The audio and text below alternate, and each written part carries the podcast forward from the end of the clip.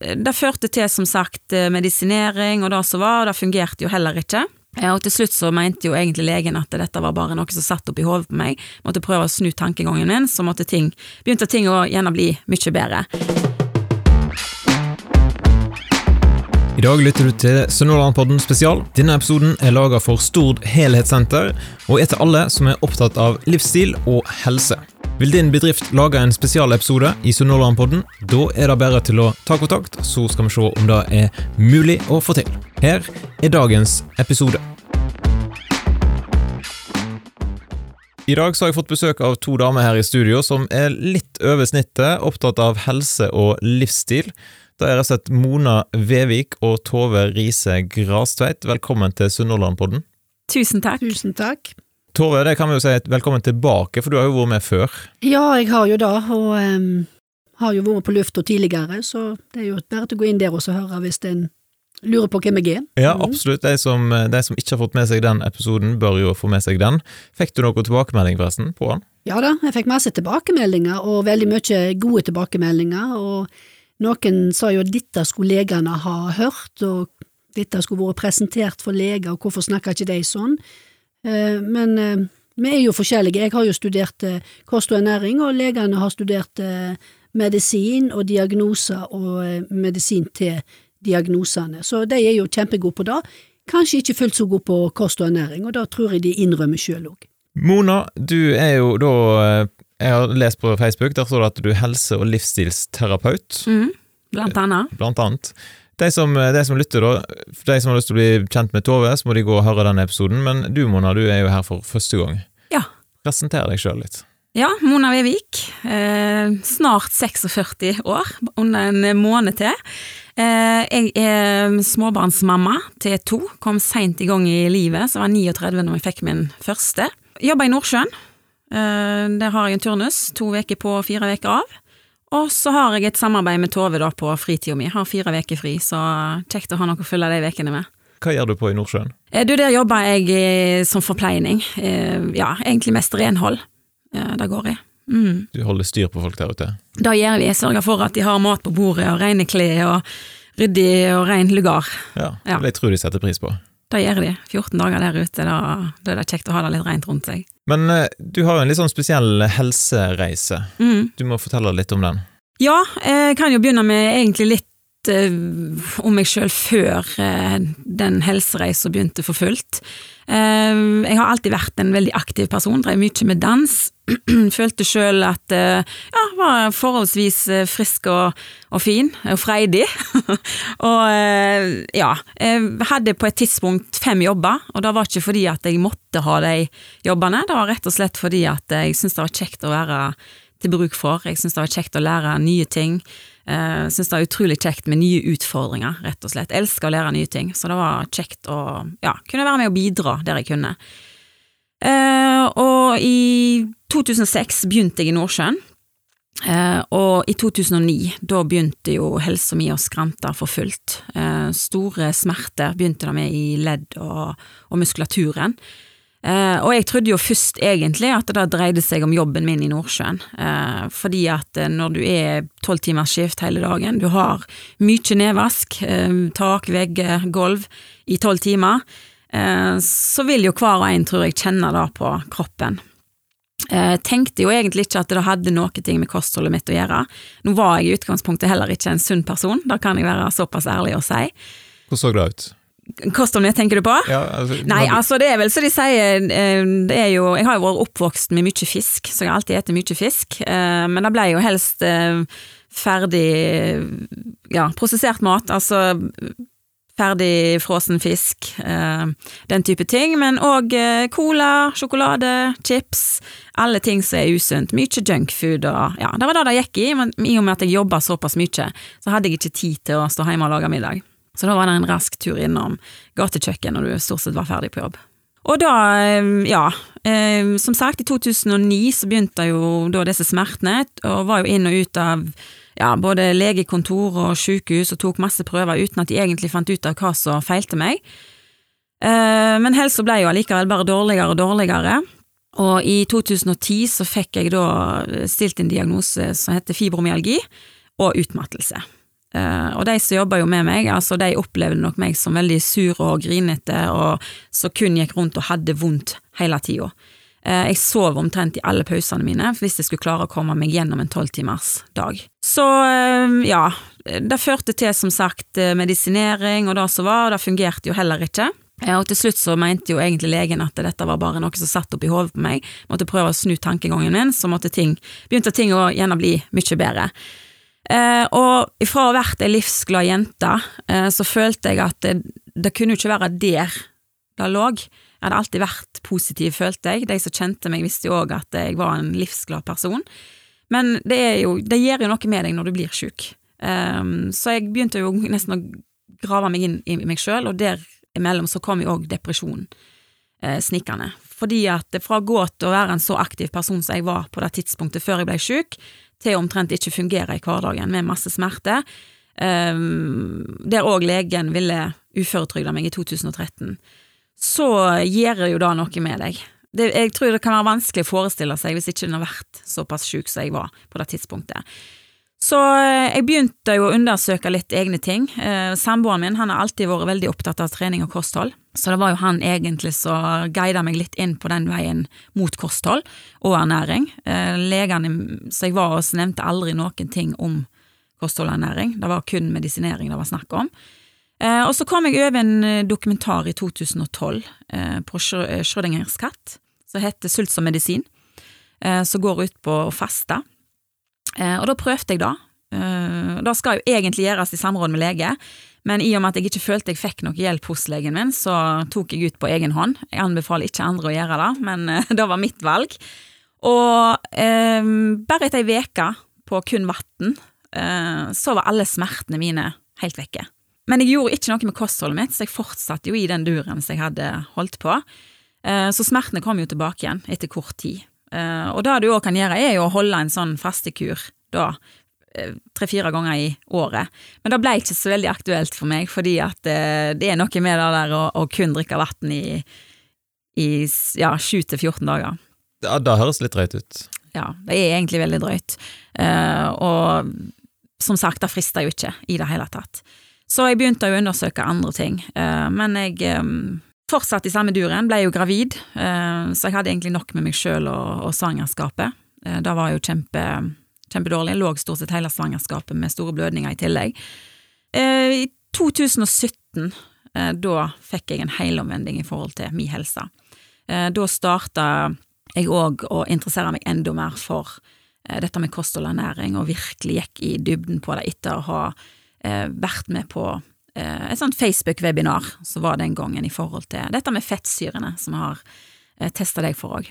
Så eh, fra å gå og omtrent være 100 uføre eh, i 2013, så var jeg tilbake igjen i full jobb eh, i 2017. Hva konkrete endringer var det du gjorde da? Eh, da ble jeg tilbudt om å ta en fettsyretest, eh, og det var faktisk svogeren min som hadde ja, hørt om at dette skulle være veldig bra. Eh, og først så var jeg jo veldig negativ. Eh, jeg hadde jo prøvd veldig mye. Jeg hadde gått på ja, masse forskjellige eh, kosttilskudd i alle år. Jeg hadde jo tatt medisiner, og allikevel så var det liksom ingenting som fungerte.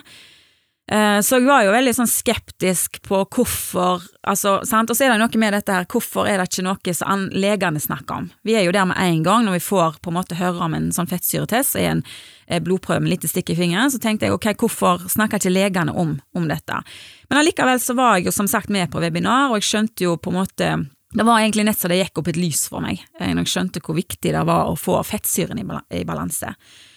Og tok den testen og starta på de produktene som også ble anbefalt i forhold til den fettsyretesten, og det gikk ikke mange månedene før jeg kjente at det skjedde stor endring i kroppen min.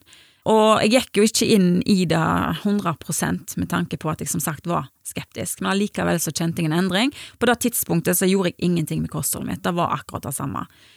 Som sagt, begynte å interessere meg mer for det, eh, starta min egen klinikk i forhold til elektroterapi og kosthold kurser meg jo videre innenfor det. Eh, tidligere så er jeg utdanna spa- og massasjeterapeut, og tenkte jo at ja, dette kan jo være en fin kombinasjon i forhold til den biten. Så sånn var det vel egentlig jeg òg traff Tove. Ja, for hva skjedde der, Tove? Når jeg traff Mona? Ja. Nei, jeg drev jo klinikk eh, for meg sjøl, og syntes jo det hadde vært kjekt å ha noen å jobbe med. Så så jeg jo at uh, det var kommet noen i det lokalet som jeg hadde først, opp forbi frisørsalongen Diva. Der var jeg først, og så flytta jeg over til teknisk byrå, for det var billigere der borte. Og der var det noen som drev med yoga, så jeg følte litt mer samhold. Men samtidig så savna jeg å, å, ha noen å jobbe med. Så skulle jeg opp da til, på Diva, jeg gikk hele tida og så om det var noen som, om hun var der, for hun var jo i Nordsjøen, så det sto jo ofte på døra at uh, jeg er vekke 14 dager tilbake, sånn og sånn. Og En kveld jeg skulle hjem fra jobb, så så jeg det var lys der. Så tenkte jeg å, da går jeg opp. Så går jeg opp trappene, og ut kommer Mona, så det så ut som hun hadde sett et spøkelse, og jeg tenkte oi, hva har jeg gjort nå, jeg er inne på feil plass. Men eh, det var vel da at Mona hun eh, trodde at hun hadde glemt en kunde. Så når jeg fikk sagt hvem jeg var, så ble hun jo veldig interessert, men hun hadde jo ikke tid den dagen, men vi avtalte et nytt møte. Og jeg hadde jo prøvd, eh, jeg hadde tatt fettsyretesten for lenge siden, og eh, gått på produkter, kommet i balanse, slutta med de produktene, gikk over på andre produkt, og brukte de, og så Mona sa jeg kan ikke få ta en fettsyretest på deg. Jo, du kan jo da, men eh, jeg bruker jo andre typer. Og men når jeg så da at resultatet var ute av vidden igjen, så tenkte jeg at her er det jo bare til å begynne igjen. Da ble jeg partner med Mona, og tenkte her er et godt samarbeids... Eh, jeg hørte jo hvor interessert hun var, og jeg fant ut at det er godt samarbeid å jobbe med henne. Så etter 120 dager når jeg tar test nummer to, og har gått på produkter, så er jeg i balanse igjen. Så nå har jeg, eh, vi fant vel ut at det var i 2019, jeg tok den fettsyretesten nummer to hos eh, Mona på høsten, så nå har jeg nett tatt med meg hjem en ny test, og skal ta en test, bare for å se hvor holder jeg meg nå når jeg er litt sånn på ferien, så tar jeg det ikke helt fullt ut, og noen dager glemmer jeg det, men sånn jevnt over så tar jeg hele veien. Så det er greit å se hvor holder en seg i eh, balanse i fettsyrene. Så men Mona er jo fantastisk med at hun eh, har jo alt dette med, med, data, og jeg kan jo ingenting. Da spør hun er det noe som skal publiseres, så sier hun ja, bare ta det ut på Facebook, du. Jeg vet ikke hvor jeg skal trykke engang. så for meg så er det gull verdt å ha henne med, for det er hun som er den drivkraften. Og så hiver hun ting over til meg, da, hvis det er noe som skal forklares noe mer, eller ut ifra fysiologi, anatomi og, òg dette med immunterapi, så jeg har mye utdannelse inn. Så derfor så følger vi hverandre veldig godt ut.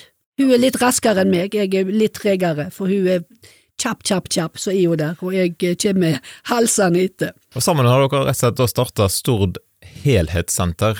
Jeg leser jo Stord helsesenter, men uh, det er ikke helt det samme, kanskje. Jeg er litt mer bokmål, så det blir helhetssenter, ja. men jeg kan jo også si helhetssenter for de som vil. Hva er det dere holder på med der, da, i tillegg til fettsyrebalansetest som dere har nevnt? Jeg er jo utdannet biopat, så jeg eh, har jo veldig fokus på fordøyelse fordøyelse og kropp i balanse. Da snakket jeg jo om på den podkasten som var tidligere, og det er jo der fokusområdet mitt er, og særlig fordøyelse. For hvis en ikke bryter ned maten, så tar en heller ikke opp næringsstoffet. Så da er det jo omtrent det samme hva en eter, om en eter fornuftig mat. Hvis en ikke bryter det ned og blir tatt opp som næring, så vil det jo bare komme ut igjen, og da får ikke kroppen den næringa en trenger. Eh, da, og da jobber jeg med forskjellige apparat, så jeg kan òg måle eh, en korpusanalyzer som måler mm, energien i de forskjellige organene i kroppen. Og det er ikke sånn at eh, om det viser at det er noe med levera, så er det ikke levera som er sjuk, men det er dårlig energi gjennom det, i forhold til det som maskinen eh, eh, analyserer. da. Og dette er jo maskiner som de bruker nede i Asia veldig mye, og, og det stemmer veldig mye med det som pasienten eller kunden sier òg, sånn når jeg leser opp hva det er for noe, så kan de si at ja, men det stemmer med meg. Og jeg er aldri sånn at apparatet er det som sier hva, hva som feiler de, for det, det er jo egentlig hva en sjøl føler. For eh, hvis det, det, viser at det er mangler for eksempel tryptofan, så har kanskje noe med søvn å gjøre, og de sier de sover godt, så kan det være at de kan kanskje mangle, kanskje de tror de sover godt, eller at de sover godt òg, det, det, kan godt være òg, men det kan hende at de ikke nødvendigvis eh, har noe utfall av at de mangler noe. Så det er jo pasienten, kunden sjøl, som egentlig er den, men jeg bare bruker det som en, en tilleggsdiagnose for oss å kunne hjelpe de bedre på vei. Men det er uansett hvordan en gjør det, om det er leveren som svikter, eller milten som svikter, eller hva det er, så er det fordøyelsen det går på. Hvis det ikke det blir brutt ned i magesekken, så blir det heller ikke tatt opp i tynntarmen som næring, og da går det for store partikler ned til tjukktarmen, og da får jo ikke de bakteriene som sitter der nede, mat. Da går det gjennom kroppen, og da eh, funker den jo ikke. Da kan vi få forskjellige livsstilssykdommer. Mm. Mm. Men hvordan er kostholdet ditt nå da, Mona? Får du lov til å spise junkfood når du er med Tove? Ja da, eh, Tove står ikke med pekefingeren. Eh, det er jo mitt eget valg hva jeg velger å, å gjøre, men selvfølgelig, eh, jeg er ikke blitt fanatisk. Jeg liker å kose meg og er fremdeles glad i det søte liv, for å si det sånn, men alt med måte. Det er ikke hver dag i vekene lenger, sånn som det var før igjen. Men ja, skeia litt ut, det gjør jeg, men så lenge jeg vet at jeg òg tilfører kroppen min de næringsstoffene den trenger for å fungere optimalt, så har jeg det mye bedre med meg sjøl. Det Hva andre ting du holder på med da i Stord helhetssenter? Ja, nei, eh, jeg er vel mer den som står bak i kulissene og trekker i trådene. For meg så er det jo da denne fettsyretesten eh, som er min store lidenskap. Og da er nok fordi at jeg sjøl har hatt de helsemessige resultatene og fordelene som jeg har hatt ved å få kroppen min i balanse, og tilføre i tillegg da de næringsstoffene som den trenger. Så um, jeg er vel egentlig den som er rundt og, og, snakker med folk, og vi har jo i dag fått et uh, ganske stort samarbeid med flere sykepleiere og leger som har sine um, interesseområder, og innenfor kosthold og ernæring, og det er jo kjempekjekt. Og så er det jo òg uh, litt behandlinger jeg driver med, ikke så mye jeg holder på med massasje lenger. Uh, så det er stort sett fettsyretesten jeg eh, jobber med. Ja, og etter siste podkastepisode, der Tove var med, så, eh, så sendte dere en melding og inviterte meg til å ta denne testen, da, fettsyrebalansetest. Og jeg tenkte jo at da kan det være en litt sånn morsom måte å promotere episoden eh, sant, med Tove. Få flere til å lytte til den. Så i, slutten av januar, på en veldig kald dag, tok jeg med både kamera og meg sjøl og, og, tok turen inn til der som dere har kontor. Eller har dere fått nye kontor nå, eller hvordan er det? Nei, Nei. Eh, ikke nett ennå. Eh, vi jobber med saken. Men per i dag så er dere på teknisk byrå, eller opp forbi, ja. der som jeg fant dere. Mm. Uh, og vi lagde en liten video, og, men nå har dere for så vidt fortalt eh, en del om denne fettsyretesten, da, men før vi snakker om mine resultat, så må dere si hva er det en måler, og hvordan? Ja, en fettsyretest, da, eh, det er nok mange som lurer på hva det er, men det er en uh, tørr uh, blodprøve. Egentlig en test alle kan ta hjemme hos seg sjøl. Eh, men det er et lite stikk i fingeren, så du drypper på eh, et papir som blir sendt inn til Vitas AS som ligger i Forskningsparken i Oslo. Og Vitas er et veldig anerkjent laboratorie, eh, som blant annet analyserer masse blodprøver fra andre sykehusinstitusjoner rundt om i Skandinavia. Med denne fettsyren så får du et svar på som sagt balansen din. Og Tove som er helsefagarbeider kan jo fortelle litt om hva den balansen går ut på etterpå. Men uh, i alle fall så måler han balansen din, og om du er godt nok beskytta mot for utvikling av livsstilssykdommer via det kostholdet du har per i dag. har du god nok beskyttelse i cellene dine? den viser hvor mye omega-3-nivå du har i blodet ditt, og de skal ligge over en viss prosent. den viser hvor effektivt kroppen din klarer å omforme de ulike omega-6-fettsyrene. Uh, og kan fortelle kort, så er jo omega-6 det er det som er med å trigge til betennelse i kroppen vår, mens omega-3 det er det som er med å, å slukke denne brannen, altså dempe uh, betennelse i kroppen. Uh, den viser cellemembranen, om den er hard og stiv eller mjuk og gjennomtrengelig, sånn at de næringsstoffene vi får i oss, at de blir tatt opp i cellene våre Eh, og at cellene klarer å kvitte seg godt nok med avfallsproduktet og eventuelt giftstoffet som går rundt med i kroppen. Og så viser han noe som heter mental styrke, som er opptak av omega-3 til hjernen. Og Hjernen vår består jo av 60% fett, som jeg nevnte i forrige video, og 20% av det er fettsyre, så det er jo veldig viktig at den òg får det den skal ha. Og Det vi ser og får tilbakemeldinger hos de fleste, er jo da de merker det først på en energinivået, når de har fått kroppen i balanse. Eh, hud og hår og negler. Eh, mye av de tingene som òg en merker, en av de første gjerne tingene en merker da, når en har fått kroppen i, i balanse. Men òg gjerne hvis en sliter mye med hukommelsen, har masse Post-It-lapper rundt om på veggene, så er tilbakemeldingen òg der at eh, en husker bedre eh, ting i hverdagen. Ja da, for at eh, vi har to essensielle fettsyrer. Essensielle betyr at de er livsviktige, og vi er nødt til å få de inn i, eter de eller får de inn i kroppen hver eneste dag. Og de essensielle fettsyrene heter omega-6, omega-3. Og dette er jo sånn som folk har hørt om, både omega-6 og omega-3. Eh, mest omega-3, det er jo det de snakker om mest, da. Eh, men omega-6 er like viktig som omega-3, og kanskje enda viktigere. Men nå per i dag så får vi altfor mye omega-6 i oss med det kostholdet vi har. Eh, Omega-6, så Mona sa da at det, det, skaper betennelse, så vi skal ha tre ganger så mye omega-6 i kroppen som omega-3. Og Det høres jo litt merkelig ut at vi skal ha mer av det som skaper betennelse, men det er kun for at kroppen skal være i beredskap. Hadde vi ikke hatt noe som skaper betennelse, så ville ikke kroppen reagert. Hadde det vært motsatt, så hadde den ikke reagert i det hele tatt. Så den eh, ratioen som vi sier, altså forholdstallet, skal være tre ganger så mye omega-6 som omega-3. Eh, langt tilbake i, i ja, millionvis av år så var det én til én. Noen eh, befolkning har kanskje én til én endog, men eh, det er ikke normalt. Så alt fra tre til fire til én så er mer normalt nå. WHO sier vel fire til én.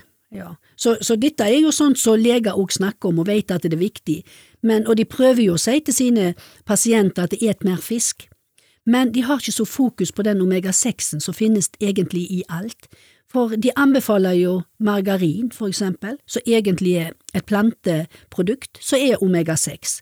De eh, soft, eh, flora og alt dette andre er jo òg et planteprodukt, for omega-6 er plantebasert, det er vegetabilsk fett, mens omega-3 er mer et metta fett, og det er fiske fra fisk, så det er mer en helt annen fettsyre. Og i den maten vi spiser i dag, med alle suppeposer, alle ferdig mat, kjeks, margarin, ikke minst, oljene som vi tar på, olivenolje inneholder jo mer omega-6 enn omega-3, og så videre. Så kommer vi i ubalanse. 5 av befolkningen er i balanse, og det er ikke mange jeg har truffet på, men jeg har truffet på én, tror jeg. Ja, og det ja. var ikke deg. Nei, det var ikke meg. altså, det altså tallet, måltallet måtte ha én eh, del omega-3 mot tre deler omega-6, altså én til tre. Ja. Uh, og hvis du vil se hvordan denne testen blir utført i praksis, så ligger det ute en video på Facebook-sida til eh, Sunnhordlandpodden. Og jeg var jo ganske sikker på da at jeg kom til å komme ut på den rette sida av denne her testen, for at jeg lever noe sånn cirka sunt, verken røyker eller drikker, eller ja, i det hele tatt trener litt av og til. og for 12-13 år siden så hadde jeg en sånn liten livsstilsendring jeg òg, og gikk ned vel en 20 kilo, tror jeg. Så jeg tenkte at her, dette nå skal dere få se en som er relativt godt i balanse. Eh, og så lovte vi jo da i videoen at vi skulle avsløre resultatet, så hvis, eh, hvis du Tove, du sitter jo nå med denne her eh, mm svarrapporten, og der var det i overkant mange eh, sure fjes, eh, syns jeg. Veldig mange røde, veldig sure fjes. Hva betyr dette her? Testen er jo blitt lagt sånn nå at den skal være lett leselig for eh, folk flest, og da lager de jo sure fjes eller smilefjes eller en gule med strek over. Eh, og så Mone hadde vi sagt til deg at ja, det kan godt hende at testen din ikke er så verst, men når du traff meg ute i gangen, så sa jeg at det er kun 5% av befolkningen som er i balanse, og jeg tror ikke du er i balanse. Jeg prøver å pynte litt på det. ja, og det hjelper ikke med røyk og alkohol, for det er ingen omega-3 i røyk og alkohol, men en ser på seg selv som en lever sunt, og det er veldig, veldig mange som mener de lever sunt, men det kostholdet som vi spiser i dag, er altfor mye omega-6 i, i forhold til vi bør ete veldig mye fisk. Mange eter laks og tror at det da skal redde oss, men den er altfor mye omega-6 i den òg nå, for den får jo fôr som er soya, soyapellets, som gjør at den har mer omega-6 i seg, så den er ikke så sunn lenger. Men av folk som tar et produkt, så ligger de ofte på en balanse på 7,5 til 1, eller 7,5 til 10 til 1. Eh, jeg vet jo ikke om du har tatt noe produkt i forkant? Altså med produkt så snakker man om, du har snakket om tran, sant? eller ja, sånn omega-3-kapsler, liksom, eller eller annet ja, sånt. Mm. Jeg har jo vært relativt dårlig på tran. Ja. Tran er jo ikke det beste produktet heller, for det er jo veldig bearbeidet og dårlig, så det, det er ikke så mye omega-3 igjen, så det var før i tida når han ble stiv i kjøleskapet, men det er et kapittel for seg sjøl. Men eh, når testen din kom, så ble jeg jo litt overgitt, ja, at eh, Når han var 19,3 til 1, Istedenfor tre tegn. Jeg hadde sted- ja, det var jo tre tegn hvis vi, hvis vi stryker over 19 og bare ser det vi vil se, så er han helt perfekt. Ja. Men 19,3 kan det ha vært en feil? ja, du har litt lyst til at det skal være feil. Men det er ikke nødvendigvis at en eter for lite av det ene eller det andre. Det kan òg være fordøyelsen som gjør at en ikke eh, opptar ting. Eh, har en mye stress i livet og produserer mye insulin, så kan det være med på å ødelegge for den konventeringa, altså fettsyrene blir omgjort til gode fettsyrer. Eh, det kan òg være mat som en òg eter, eh, som gjør at en får mye insulinutskillelse, som òg kan være med på dette her at fettsyrene blir ikke det de skal bli til slutt. Så det er ikke nøv... En trenger ikke si at den har vært veldig, veldig dårlig, men det viser jo et tegn på at kroppen har det ikke så godt innvendig, selv om en utvendig tenker at eh, en ser sunn ut og en eh, Altså, du ser jo ikke usunn ut, og du trenger heller ikke, det kan være den som ser Altså, jeg vet ikke hvordan en skal se på folk at de ser usunne ut, for de dømmer jo folk ut ifra det som de tror er usynt, usunt, sant? At folk går på McDonald's, de kan være sunne og spreke for det, men det har med fordøyelsen å gjøre. Men i hvert fall alle disse sure fjesene dine, så det ene sure fjeset, det, det går på eh, beskyttelse i kroppen. Så hvis den har veldig, veldig mye omega-6 eh, i kroppen, så omega-6 skaper betennelse. Det gir eh, tjukkere blod og stivere åre. Ja, og der er beskyttelsesnivået mitt det er på 0,0 står Ja, så det er ingenting. Og det betyr jo ikke da at du, hvis du får deg en sykdom nå, så stryker du med, for det er ikke sånn det er, men du har en veldig dårlig beskyttelse i kroppen, sånn at da å få opp beskyttelsen i disse tider med vi har forskjellige ting, med influensa og andre ting, så har du litt mer, altså du blir kanskje fortere frisk. Altså det er ikke sikkert du unngår sykdommer for da med at du er i balanse med noe, men du blir fortere frisk, du tar deg fortere inn igjen, enn at det eskalerer i andre ting. Det sliter på kroppen, og når en er så ubalanse som dette her, så er det et stress for kroppen, så igjen gjør det til at en kanskje produserer mer insulin, eller kroppen er i ubalanse i stressa situasjon, så igjen gjør at ting ikke blir tatt opp på, rett måte. Så Derfor er det veldig viktig å være i balanse, og når vi vet at eh, disse fettsyrene er essensielle, de er livsviktige, og vi har bare vi har to essensielle fettsyrer, så det er omega-6 og omega-3. Vi har åtte essensielle aminosyrer, protein, og de må vi ha i oss hver eneste dag, og så har vi ingen essensielle karbohydrat. Så det er egentlig ikke viktig. Men jeg har veldig lyst til å røpe mitt eget resultat, da, for jeg har en liten tilleggshistorie til akkurat eh, mitt resultat. Og jeg lå jo på 20,5 tegn. Ser man det? Du var dårligere enn meg. Jeg var da. Eh, Men da vil jeg si jeg hadde 20 pyromaner da, som sto og heiv bensin på bålet, og så hadde jeg én stakkars brannmann som skulle slukke denne brannen. Og det sier seg sjøl er en helt umulig oppgave. Men eh, året etter, eh, skal vi se, jeg tok jo min første test i 2015. Eh, og jeg fikk jo mitt første barn i 2014. Og eh, med hun, når hun var ett og et halvt år gammel, eh, så var vi stort sett inn og ut av sykehus med hun eh, i et halvt år. Eh, hun hadde fire antibiotikakurer på det halve året. Hun hadde eh, seks ganger vi målte henne opp i over 40, altså rett over 40 i feber, og legene fant ikke ut hva som feilte henne, ingenting. Eh, og da spurte jeg en av de som jeg har samarbeid med, om jeg kunne begynne å gi henne da denne balanseolja. Eh, og det gjorde jeg, begynte å gi henne ganske høy dosering, og etter da så har hun omtrent ikke vært syk. Får hun omgangssjuke da går på skolen, så er det ti minutter med oppkast der, og så er hun fit for fight igjen etterpå. Og du må jo selvfølgelig holde dem hjemme av den 48-timersregelen, men det er sjelden at mine unger er noe særlig syke. Eh, og mm, de sier jo da at barn de blir født med mors balanse. Så dere kan jo tenke dere hva balanse hun hadde da, eh, når hun var ett og et halvt år gammel, når jeg hadde en balanse på 20,5. Så det er også veldig viktig å tenke på når det kommer til unger, og vi ser jo også i forhold til unger i dag, så har de ofte en mye større ubalanse enn oss voksne, fordi at før i tida så hadde vi gjerne, gikk vi på matbutikken og fikk ei varm fiskekake i hånda, mens nå så svipper vi innom McDonald's og gir de en burger og, og, og pommes frites, det er liksom mye enklere på den måten. Så balansen er veldig viktig å tenke på hos ungene òg, at eh, den arver du ifra mor. Og samme òg med fordøyelsen, eh, det kan jo Tove alt om. Tarmfloraen. Mm. Men det er jo veldig viktig at en er i balanse før en blir gravid. sant? Jeg har Kim- ingen planer om, så da skal Nei, det helt da, fint. da slipper du å tenke på så da, da er veldig, veldig bra. Men jeg tenker på alle damene som kanskje sliter med å bli gravid, så kan det jo òg være at en er i ubalanse. En kropp som ikke er klar for oss å føre fram en unge, vil jo heller ikke føre fram en unge. For det, det, går, det er en belastning. Det er jo snakk om overlevelse hele veien. Det er jo da vi er her for, vi skal overleve, og vi skal reprodusere oss, og så videre. sant? Og en kropp vil ikke reprodusere seg hvis, det, hvis den er veldig, veldig syk. Så, så da å være i eh, balanse i forkant, og da sier en jo òg med diabetes, alle som har diabetes type 1 bør være i balanse med blodsukkeret, veldig stabilt blodsukker, ett år før de blir gravid. Men de fleste vet jo ikke at de er blitt gravide engang, de går tre måneder da, ops, jeg skulle vært i balanse et år før, og så er det viktig under hele svangerskapet, og så er det viktig under hele amminga. Så det er grådig viktig for barnet sin eh, oppvekst og eh, start, at den får det optimale. Men eh, jeg så jo på denne testen din med omega-3-nivået. Det er jo viktig å ha et godt omega-3-nivå, og du har 3,3% av det omega-3-nivået.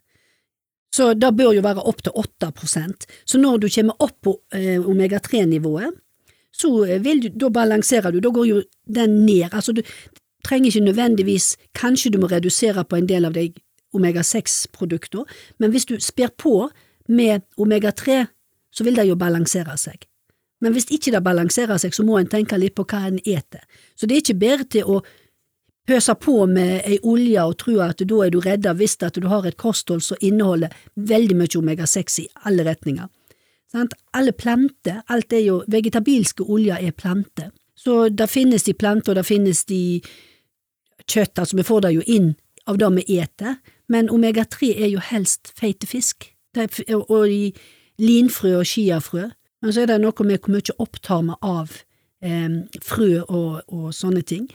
For det er meninga at det er kyllinger og høner som skal gå og ete på disse frøene, og så skal vi ete dem, og så få i oss. For det at det, vi skal òg tenke på hva har maten min ete før jeg eter den, for det næringsstoffet maten har i seg, den næringsstoffet, eller den eh, statusen dyret har, at de er rolige og avbalansert, det gjør jo igjen til at vi mennesker får den samme energien. Et stressa dyr er ikke bra å ete.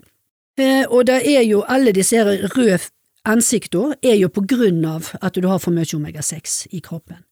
Og med et produkt som vi har sett virkning av da, så eh, garanterer de meste at eh, 90% kommer i balanse, eller nesten i balanse. Med da, etter 120 dager på den, hvis en tar det korrekt, og en gjør det en skal. Ja, for du sa jeg måtte bare drikke halve flaska. Ja, da er du ferdig i morgen. Ja. Neida, men så det er det jo sånn at en kan ikke bare pøse på, en kan endelig pøse på med fisk og, og, og sånne ting, altså du kan ete sild daglig, men en må jo se hva en et òg, for at eh, fisken vår er jo forurensa òg, så det, det er blitt sånn i dag at vi må kanskje ta tilskudd av noe, for vi får ikke de næringsstoffene i maten som vi gjorde før, for eh, vi vet jo da at eh, havet er den største søppelplassen som finnes, og det er mye giftstoff der, og fisken er dårlig. Så inntil videre, inntil mennesker har funnet ut av dette her, så må vi, må vi ta tilskudd.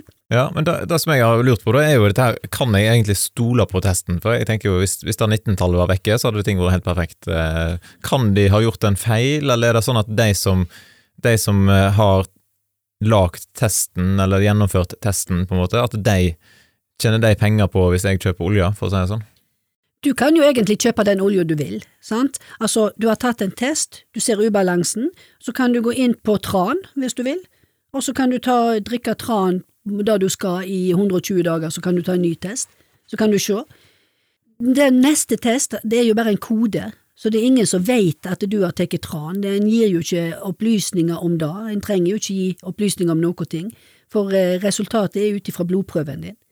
Eh, og de vet jo ikke at dette er test nummer to, eller her er det en eh, som ikke trodde han var så eh, Eller som trodde han var sunn, så her må vi lure han litt. Så det er ikke sånn det henger sammen, og denne Vitas forskningsparken, eller dette forskningssenteret, er jo bare noen som dette produktet, Sinsino, har lekt til å ta disse testene. Det finnes jo flere plasser du kan teste. Du har jo EU nei, Lab 1 i Oslo. Eh, først tar de kanskje, det er jeg litt usikker på. Men jeg vet jo at, iallfall at sykehuset tar det ikke, og det har noe med utstyret, mener jeg. At de har ikke det utstyret til å måle akkurat disse fettsyrebalansen. Så det er helt eh, Jeg har iallfall veldig stor tro på de, for da at jeg ser jo da at uh, de kan ikke jukse på noen slags måte, for jeg kan jo opplyse om hva jeg vil.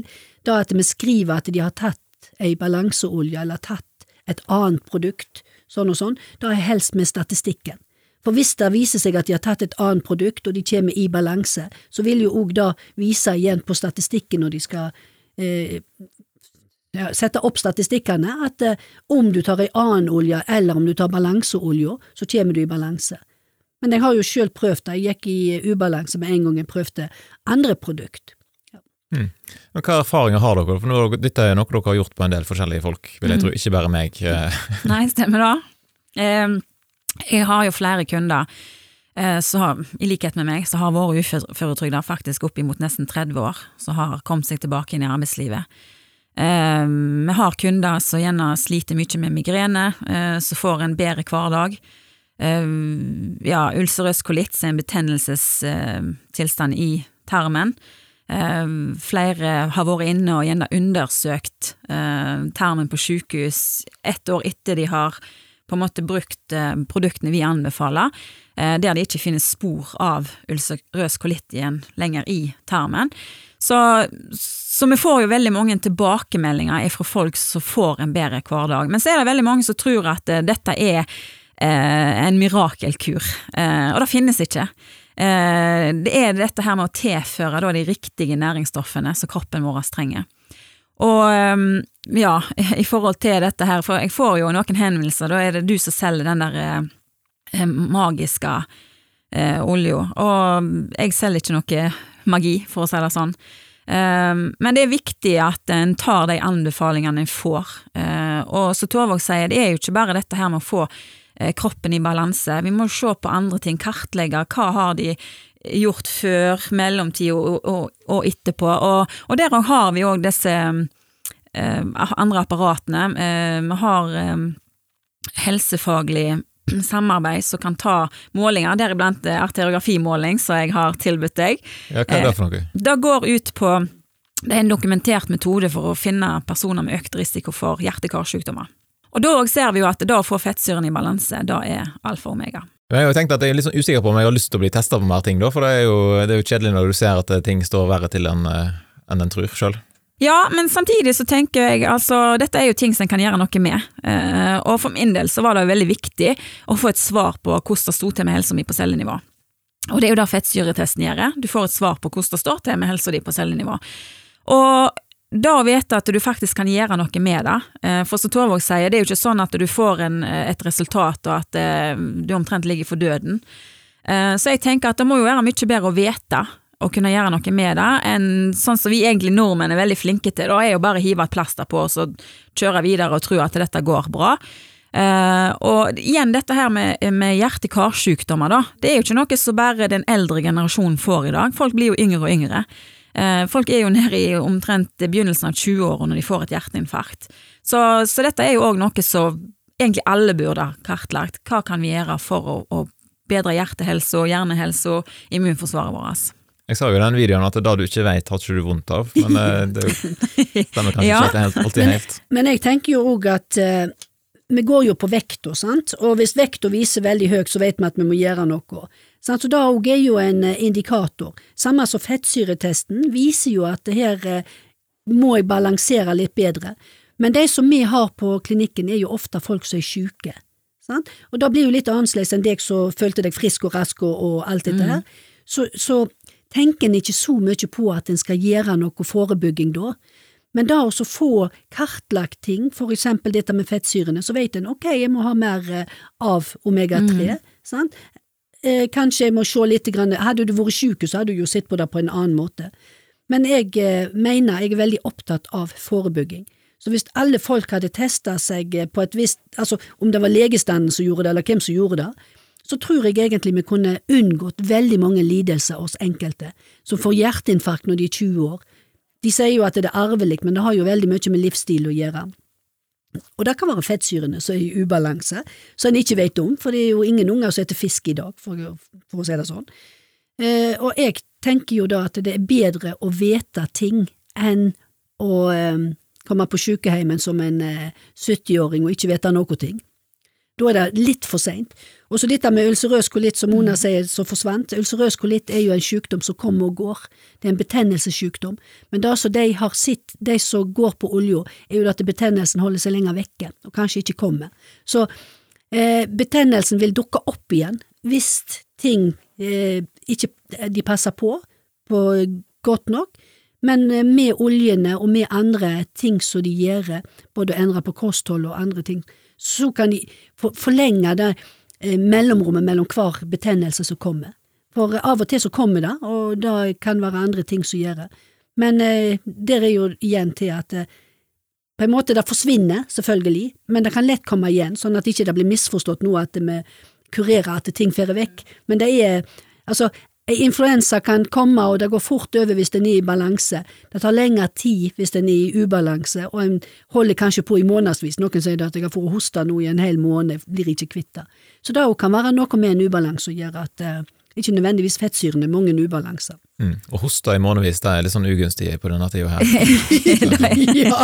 Men det som er viktig å tenke på, er at uh, det er mye dyrere å være syk enn å faktisk prøve å, å ja, gjøre noe med helsesituasjonen sin. Så Derfor så syns jeg det var mye bedre å vite enn å gå rundt og, og, ikke vite.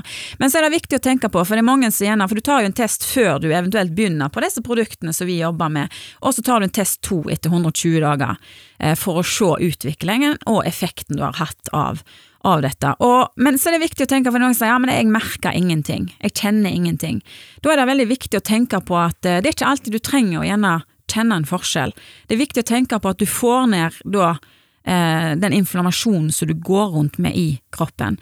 Eh, er det en stille inflammasjon, så kan den i verste fall etter hvert føre til en kronisk sykdom, som igjen fører til en livsstilssykdom. Og det er jo dette vi ønsker å på en måte hjelpe med. Vi må få ned den inflammasjonen som veldig, veldig mange, 95% av oss faktisk går rundt med.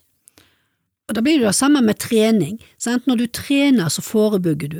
Men det er jo ikke alle som kjenner på kroppen at eh, nå har jeg gjort noe godt for eh, innvollene mine, eller eh, det indre. Men det, det, er jo godt i hodet, du føler jo en velvære. Men da å gå seg en tur Alle vet jo da at det da med aktivitet er forebygging. På alle slags måter, at du eh, holder musklene oppe, men du kjenner deg ikke sånn. Og det samme blir jo med fettsyrene. Så alt du kan forebygge med god kost og alt dette her, så hjelper du jo til med det som kan skje i framtida. Og så er det jo noen som er født super, som har veldig mye å gå på. Du kan mest se det som et bankinnskudd. Noen har mye i banken når de er født, og noen har lite. Og de som har mye, de kan bruke kroppen sin på en helt annen måte enn de som har lite, de må passe på hele veien. Og det resulterer jo i en enten om det er astma, om det er eksem, om det er fordøyelsesplager, så mange som har IBS og alle disse tingene. Jeg eh, er litt fortvila når jeg jobber innenfor helsevesenet og vet det, og, og jobber som eh, biopat og vet at det går an å gjøre noe, og at ikke de får den rette hjelpen før de har kommet så langt at eh, depresjon har tatt overhånd, at ting blir vanskelig, kanskje de er blitt uføretrygda. Ja, for det er ikke tvil om at dette, denne tematikken her, da, det er noe som engasjerer dere ganske masse, og du har til og med engasjert deg i et nytt parti som er på vei opp og fram. Ja, det er Helsepartiet. Helsepartiet, og da håper vi jo på skal få komme inn på eh, ting nå, eh, nå med valg, at en, en, klarer å få så mange medlemmer så, å rekruttere. Og da partiet har jo tre hovedting, da. Altså det er jo omsorg. Da å ha en verdig omsorg. Eh, da å ha omsorg for at folk får den rette hjelpa de skal ha. Det er òg verdighet, så jeg sa med verdig eh, eldreomsorg, for eksempel. Eh, verdighet med at du blir ivaretatt med de eh, plagene en har, at en blir sett og hørt. En hører jo hele veien at eh, de får ikke den hjelpa. Er det kreftsyke, så får de ikke de medisinene de trenger fordi det er for dyrt i Norge, og så videre. Og respekt for den enkelte, at den enkelte får hjelp. Jeg hadde en person som, snakket, som jeg snakket med i går, som hadde masse problem med fordøyelsen. og gikk og gikk og fikk aldri noe hjelp, og så plutselig så fikk hun noe hjelp, og da sier jo den personen, dette var jo innenfor det offentlige, så sier den personen at du skulle jo ha gjort dette for lenge, lenge siden. Men da var hun blitt lei av det å gå imellom og vært syk og inn på sykehus og ut igjen.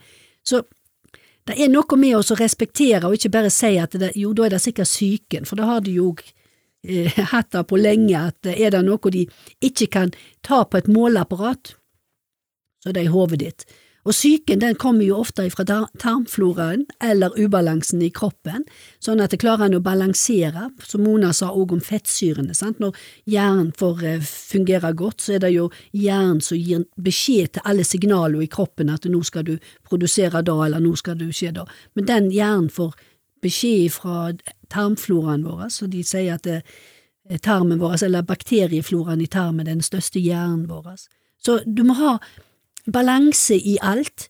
Og så er det jo så, du spurte Mona hva hun eter, så er det jo òg da at hvis du eter dårlig mat og bygger opp med ren mat etterpå, så det er nesten du har et uh, uryddig hus og du rydder innimellom, så kan du, men hvis du bare har uryddig og uryddig og aldri får gjøre noe med å bygge opp, så er det verre.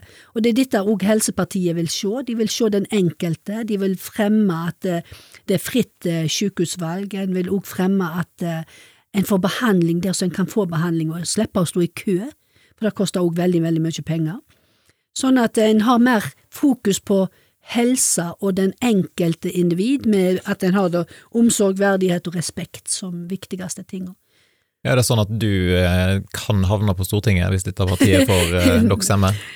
Eh, jeg tror ikke jeg hadde gjort meg så veldig godt på Stortinget, for jeg har så egne spesielle meninger. Eh, kanskje det hadde vært bra, men jeg har jo alltid sagt jeg er noe, ikke noen politiker, men det er jo veldig mange som sier du skulle vært inne i politikken, for jeg har sterke meninger om ting. Men jeg er jo veldig på forebygging, jeg er veldig på verdighet. Eldreomsorgen må bli bedre, eh, og ikke minst arbeidsforholdet til helsepersonell. Det er jo noe som jeg eh, synes er veldig, veldig viktig, for jeg ser vi kunne gjort det mye, mye bedre. Eh, jeg har vært tillitsvalgt for sykepleierne i fem år i Stord kommune, og eh, jeg, jeg, jeg synes det er veldig trist når jeg hører sykepleiere som er 25 år, de er nett kommet ut i jobben, og så er de skamsletne. Eh, det er noe som ikke fungerer helt, men selvfølgelig, det er jo ubalansen i kroppen òg, sånn at vi har fokus på det, men hvis arbeidssituasjonen blir for tøff, de har for mye å tenke på, det er for, det er for lite tid til alt, så sliter du enda mer på kroppen, for da å ha et stressende nivå inni hodet vil jo òg gjøre at ubalansen blir større, der du må ha enda mer vitamin og mineraler og fettsyre og alt dette her tilskudd, og da har de jo kanskje ikke mange. Så da brenner jeg virkelig for, for da at vi er nødt til å ha folk både på nett, vi er nødt til å ha folk eh, på dag, vi må ha folk på sykehuset, og vi må ha friske folk. Det er jeg veldig opptatt av. At sykepleierne må ikke være så opptatt av å pleie den syke uten at de er friske sjøl. For da gjør de jo… Vi vet jo når vi er ute og reiser med fly, så får vi beskjed om at vi må ta maska på oss sjøl først, før vi hjelper andre. Men en sykepleier hadde helt sikkert tatt på andre først, for de tenker på andre. Men jeg er litt der at vi må tenke på oss sjøl, vi må styrke oss sjøl, vi må balansere kroppen vår sjøl, vi må være, ha aktivitet, og vi må ha styrke til å kunne gjøre de operasjonene vi skal, vi må ha utholdenhet, vi må ha ganske mye, og det svikter i veldig mange av de leddene, for sykepleieren, eller ikke sykepleieren, nå helsevesenet, eh, helsepersonell, kjenner jeg jo mange, eller kjenner godt til, og jeg vil jo si at de er jo ikke noe sunnere enn andre, kanskje enda mer usunne, for de har det travelt, og da tar de, til, tar de lettvinte løsninger. Og så har de ikke tid til å trene, for de går jo hele dagen på jobb. Men det er ikke trening, altså, en må styrke rygg og mage, en må styrke armene, en må styrke det som en trenger i jobben sin. Så da håper jeg jo på at jeg kan bidra mye med i dette helsepartiet, for det, det er noe som jeg brenner veldig for. Ja, Er det du som har starta dette her, eller er det i lag med noen andre? Det starta i Oslo, så har de nå, nå tatt uh, Helsepartiet Vestland, så jeg er inne i Helsepartiet Vestland der uh, Vivian Vium er leder for Vestlandet, og vi har uh, Thomas Aksnes, som er òg nestleder, han er i Vestlandet. Han er veldig, veldig dyktig på helsa. Der kan en jo gå inn og se på Health Optimizing. Han uh, driver ja, han er en dyktig person. Han kan mye om helse, og han har vært veldig syk sjøl. Det er derfor han kan mye om helse. Og han jobber veldig mye med tekniske ting. Han er veldig teknisk i forhold til apparat som måler ting. Mm. Så, og så er jeg et av styremedlemmene der, da, kom inn der. Ja. Hva gjør dere nå da for å få eh, folk til å For det er et eller annet med må ha så og så mange tusen enten Mm. medlemmer eller underskrifter eller et eller annet. Ja. Nei, vi skal jo på turné, så vi skal jo reise rundt og, og stå der på eh, kjøpesenter og andre plasser. Det er kanskje litt vanskelig nå i koronatid. Og, Ja, ja, ja. Det er kanskje litt vanskelig, så jeg vet ikke helt hvordan en gjør det i koronatida. Det gjelder for de andre partiene òg, regner jeg med. Ja. De vil vel kapre folk, de òg. Men eh, vi vil jo i hvert fall prøve så godt vi kan, og to meter avstand kan de jo stå, vi kan jo snakke til de på Ja, altså det går jo an, og det går an til å formidle i, på andre måter òg, så Men det er jo det, det er jo De kan jo inn og søke på Helsepartiet. Vestland og se. Eh, Det vil jo komme en presentasjon av alle, for dette er så nytt på Vestlandet, nett, nett denne. Men det, eh, det ble dannet i 2017 i Oslo. Og Erik Hekseberg er jo han som er leder for partiet. Eh, Han er jo en endokrinolog, har vært lege på sjø på Haukeland. Han er bergenser, men han bor nå i Tønsberg og driver klinikken sin i sammen med Sofie Hekseberg. Så sikkert mange kjenner igjen ifra bøker som hun skriver om diabetes, og de har veldig mye fokus på autoimmune sykdommer, og ser jo at eh, mange av de autoimmune sykdommene som de tror er arvelig og medfødt, kan egentlig forebygges. Mm. Mange av de. Så hvis eh, Helsepartiet kommer inn på Stortinget, da blir det sånn eh, balan balanseolje til alle gratis? ja. ja, altså jeg, jeg vet ikke om de snakker om balanseolje, men eh, de snakker jo om veldig mye. Men det er jo en av de tingene, hvis vi skal òg fremme noe, så må vi jo ha helsa til å stå i det òg. Altså, skal vi ha det hektisk, så må vi ha ei helse for å kunne stå i det. Og det er jo klart, jeg ville jo anbefalt alle, som jeg sa tidligere, at jeg tror ikke maten vår inneholder nok omega-3. Uansett om vi tar vekk aldri så mye omega-6 av de produktene vi eter vanligvis, så klarer vi ikke å få det inn på en god, eh, god måte, naturlig måte. For hvis vi eter for mye fisk, så er det skadelig, og de har jo òg sagt at det, gravide og barn bør jo ikke spise laks mer enn, vet ikke om det er to ganger i måneden, eller hvordan det er. Altså det er veldig redusert nå på grunn av at det, oppdrettslaksen er blitt feil. Men de begynner jo å gjøre noe med det òg, for da må laksen få den naturlige maten, og det er alger. Han må ikke få soyaprodukt, men soyaprodukt er jo billig, og skal de fø alle de laksene som fer i disse merdene, så må de gjøre det billig, for vi skal jo ha billig mat, vi er så opptatt av billig mat. Og jeg er litt skeptisk når ting blir for billig, for da tenker jeg på, det, skal, det koster jo å ha, hvis vi tar laks da, koster det å ha fisken få han fram oppi de der merdene, det skal passes på, det er folk som står der, og det skal slaktes, og det skal transporteres, og alt dette koster jo penger. De skal jo ha lønn, de som står der, og så kommer fisken ut til oss, og så koster den slikk og ingenting. Jeg får det liksom ikke til rime med alt, alt det som er i forarbeid. Så da er det jo eh, juks en plass, da er det noen plasser det blir Et eller annet ikke stemmer. Ja. Yes, nei, men eh, Bra, jeg tror vi, vi nærmer oss vel slutten, men hvis, eh, hvis jeg nå da eh, hiver innpå enten ei halv flaske eller anbefalt dose av dette her stoffet nå en stund, er det sånn at vi da spiller, spiller inn en ny podkastepisode om 120 dager og ser hvordan det har gått, eller skal vi Det burde vi jo gjort, altså absolutt. Jeg får se? Så, men jeg, ja.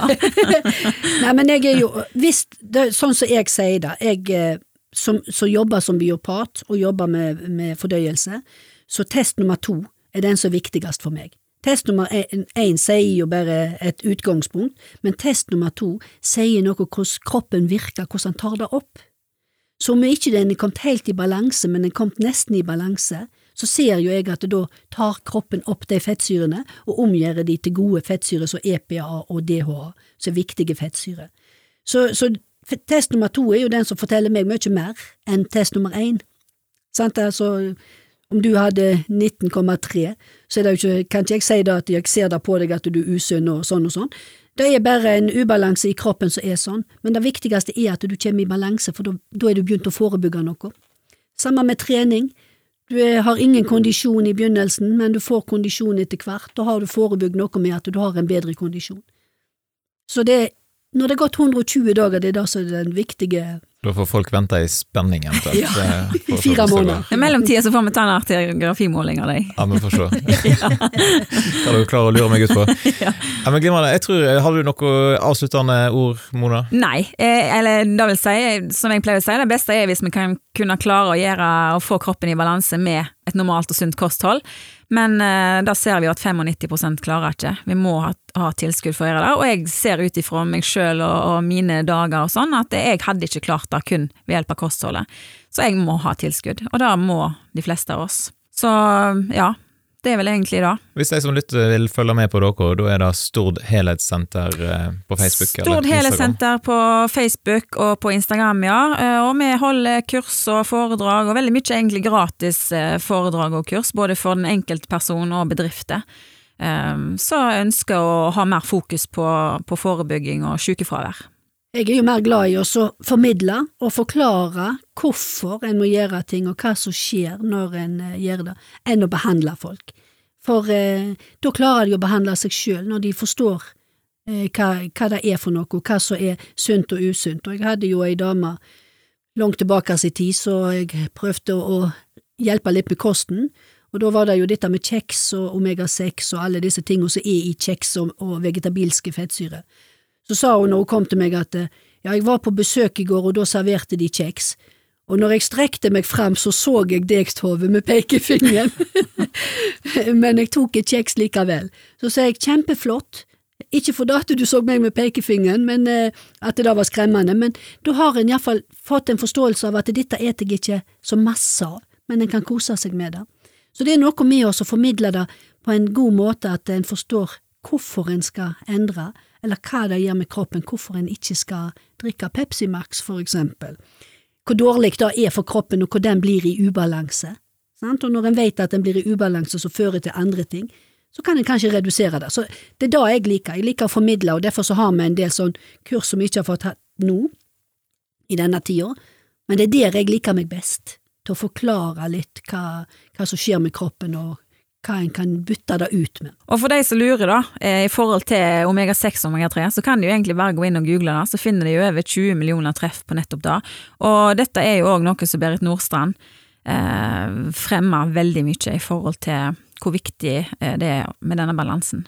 Hvis jeg bare skal si noe om Berit Nordstrand, som har fått litt grann pes, så er det jo, hun er jo en lege som har jobba med rus og adferds, eh, folk med atferdsproblem, og ser jo at kosten har utrolig mye å si for oss å redusere både ADHD og, og eh, da å få folk til å roe seg ned, avslapning og rus, at ikke at det har mye virkning på det. Og omega-3 eh, har jo veldig mye å si på det. Og de som har ADHD, mangler veldig, de er veldig i ubalanse, og de mangler, de har òg en del dårlig nedbrutt protein som òg går opp til hjernen, så det er jo flere forskere som har òg sett på det, at de med, med både schizofreni og mange ting har dårlig nedbrutt eh, protein, som igjen fester seg andre plasser der det ja. Så kosten har veldig mye å si, men jeg er jo da få han brutt ned fra magesekken og videre ned. Hvis det ikke funker der, så eh, skaper det problem. Jeg sa i innledning at det, dere er litt over snittet opptatt av helse og livsstil, og det tror jeg folk som har lytta gjennom til nå har, eh, kan si seg enig i. så jeg sier bare tusen takk jeg for besøket, veldig kjekt å ha dere her, og så eh, får vi se da om det blir en episode til, eller hvordan det blir. Veldig kjekt å få være her. Tusen takk. Takk. Takk for at du lytta til dagens episode av Sunnhordlandpodden. I dag var det en spesialepisode produsert for Stord helhetssenter. Ønsker din bedrift å produsere en eh, tilsvarende episode? Da er det bare til å ta kontakt, så skal vi se om det er mulig å få til. Da ønsker jeg deg en fin dag, og så poddes vi plutselig igjen.